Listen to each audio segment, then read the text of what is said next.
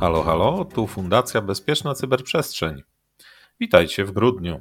Nazywam się Piotr Kępski i jak co poniedziałek ruszymy wspólnie w podróż po wydarzeniach, mm, które miały miejsce w cyberprzestrzeni. Mamy dziś 5 grudnia, już jutro święty będzie roznosił prezenty grzecznym dzieciom. O, myślę, że zawita nie tylko do dzieci, ale i do dorosłych, a przynajmniej do tych, którzy byli grzeczni. A dziś, dziś mamy Dzień Ninja, a także Międzynarodowy Dzień Wolontariusza. Wszystkim wolontariuszom chciałbym złożyć e, życzenia i serdecznie podziękować za ich poświęcenie na rzecz pomagania innym ludziom.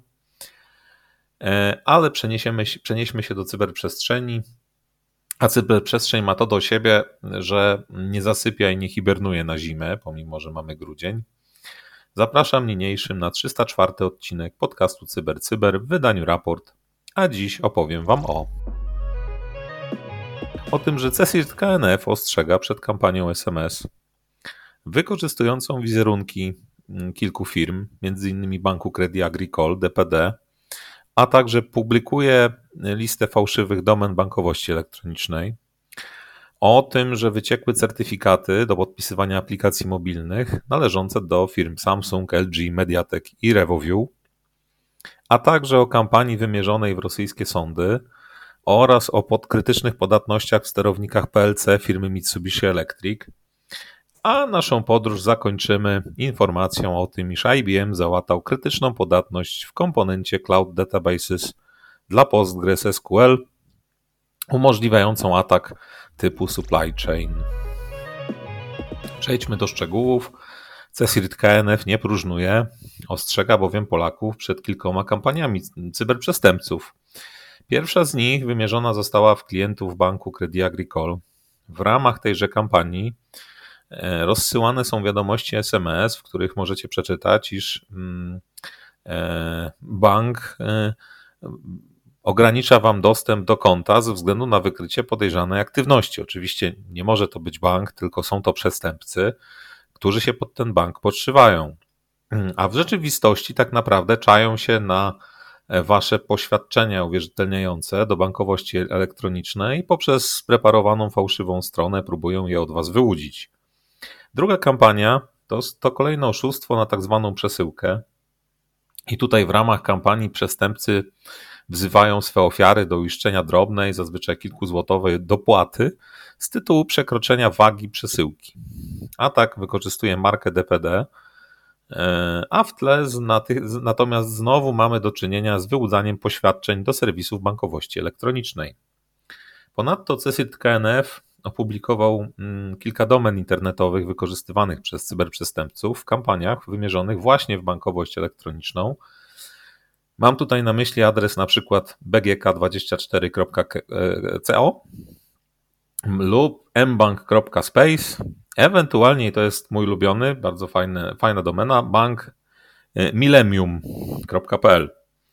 Więcej adresów we wiadomości CSIRT-u, a link do wszystkich trzech newsów znajdziecie pod naszym podcastem. Przechodzimy do kolejnego newsa, do kolejnej e, wiadomości. Tak naprawdę myślę, że ona jest bardzo istotna.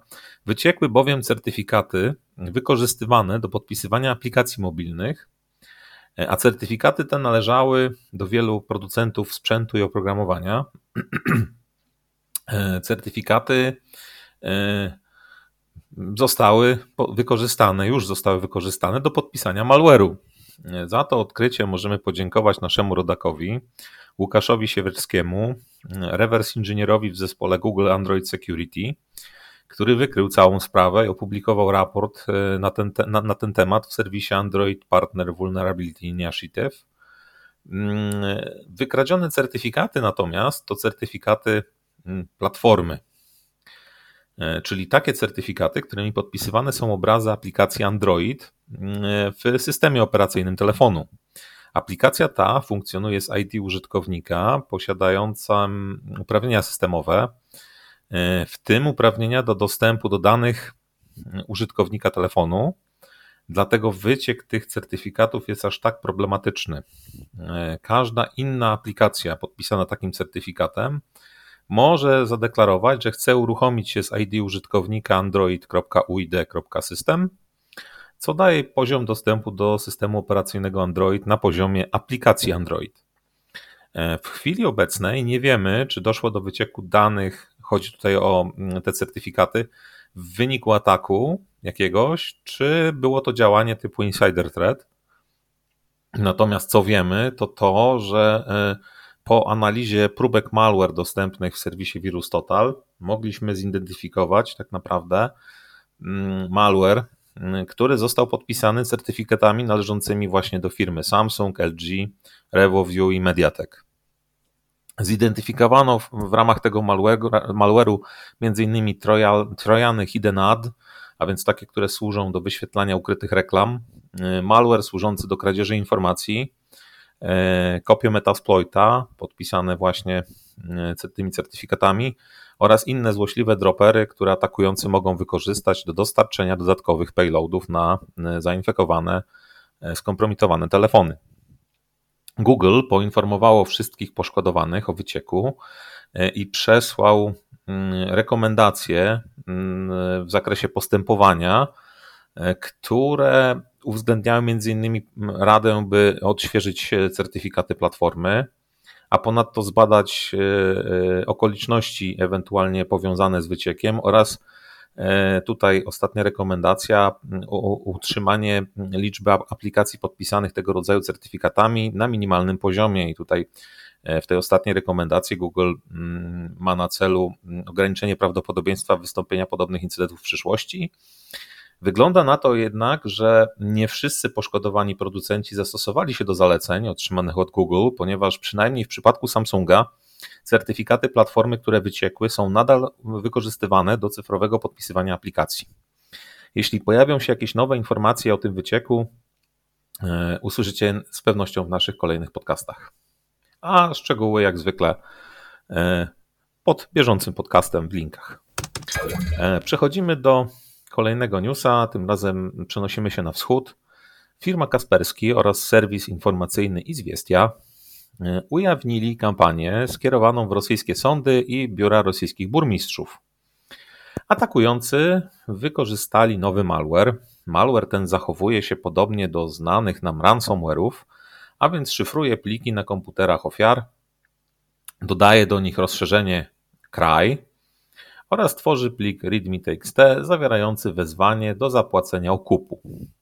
Wezwanie to zawiera portfe adres portfela Bitcoin, identyfikator infekcji oraz identyfikator e-mail twórców malware, a także informacje o wysokości okupu. Tutaj mowa o kwocie rzędu pół bitcoina. E, nie wiem, ile ofiar e, zapłaciło, ale generalnie są to pieniądze stracone, dlatego że e, malware ten nie jest ransomwarem. Jest to wiper, a więc malware, który niszczy dane bezpowrotnie. Dane szyfrowane są w sposób nieodwracalny.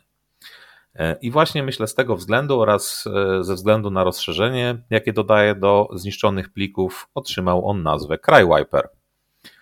Sposób jego działania jest zbliżony do innego malware'u tego typu, do Isaac Wipera, a możecie go pamiętać z analiz jeszcze kolejnego Wipera o nazwie Hermetic, ponieważ e, Isaac Wiper to protoplasta Hermetica, e, a Hermetic Wiper z kolei był wykorzystywany tuż przed wybuchem wojny w Ukrainie i tutaj atakującą stroną mm, była Rosja. E, tym razem Cry Wiper z kolei atakuje rosyjskie instytucje, a do ataku wykorzystuje on te same algorytmy do generowania liczb pseudolosowych, e, co właśnie Isaac Wiper, a liczby pseudolosowe z kolei służą do generowania danych, którymi zastępuje on zawartość e, plików, bo w ten sposób funkcjonują wipery. Jeśli interesują Was informacje techniczne, nie muszę Wam mówić, gdzie ich szukać, zerknijcie do raportu Kasperskiego. Kolejny news, tym razem e, będziemy poruszać się w obszarze podatności.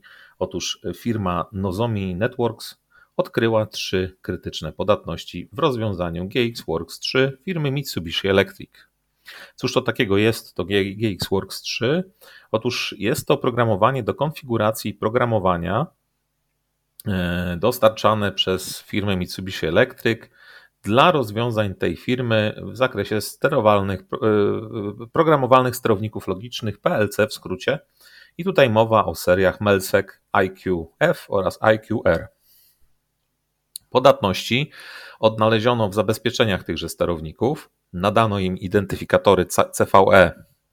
Tutaj może początek podam wspólny, to jest CVE 2022 i kolejne te podatności mają numery 29831, 29832 i 29833. E, zaś same podatności mogą pozwolić atakującemu na uzyskanie informacji z plików projektowych GXWorks 3. Atakujący może pozyskać taki plik projektu z błędnie skonfigurowanego serwera plików, ze współdzielonego komputera lub poprzez przechwycenie niezabezpieczonej komunikacji. Gdy już taki plik zdobędzie, może on wykorzystać odkryte właśnie podatności do uzyskania informacji potrzebnych do włamania się do przemysłowych systemów sterowania, w skrócie ICS. A dzieje się tak dlatego, że w ramach tych plików e, badacze bezpieczeństwa wykryli e, dane poświadczenia, więc login i hasło e, zakodowane plain tekstem oraz kilka innych tam jeszcze występuje właśnie błędów. Firma Mitsubishi Electric wydała rekomendacje w zakresie ujawnionych podatności, zresztą podobnie jak amerykańska mm, Cyber Security and Infrastructure Security Agency, a więc w skrócie CISA.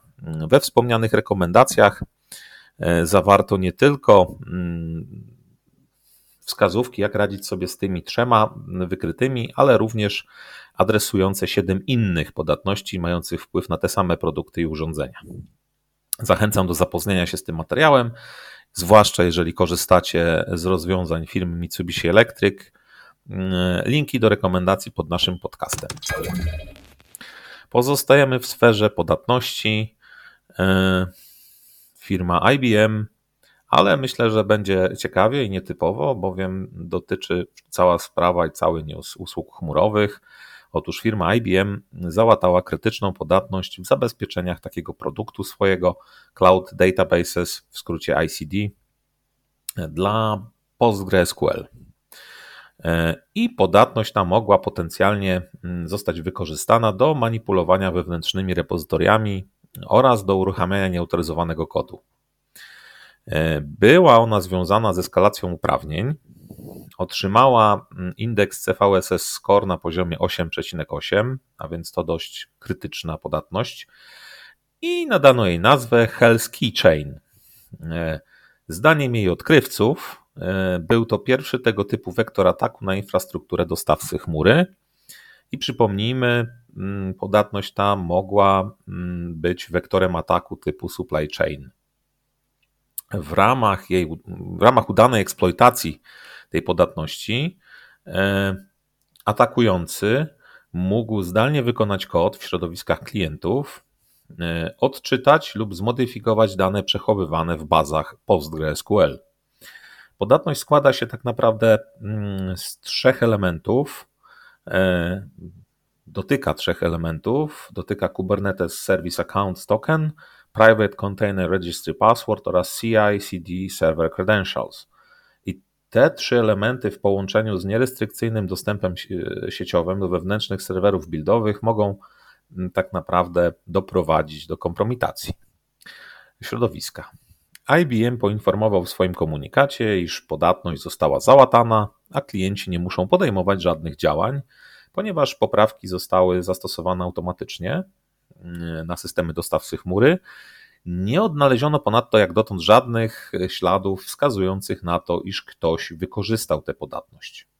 Szczegóły w tym techniczne pod naszym podcastem.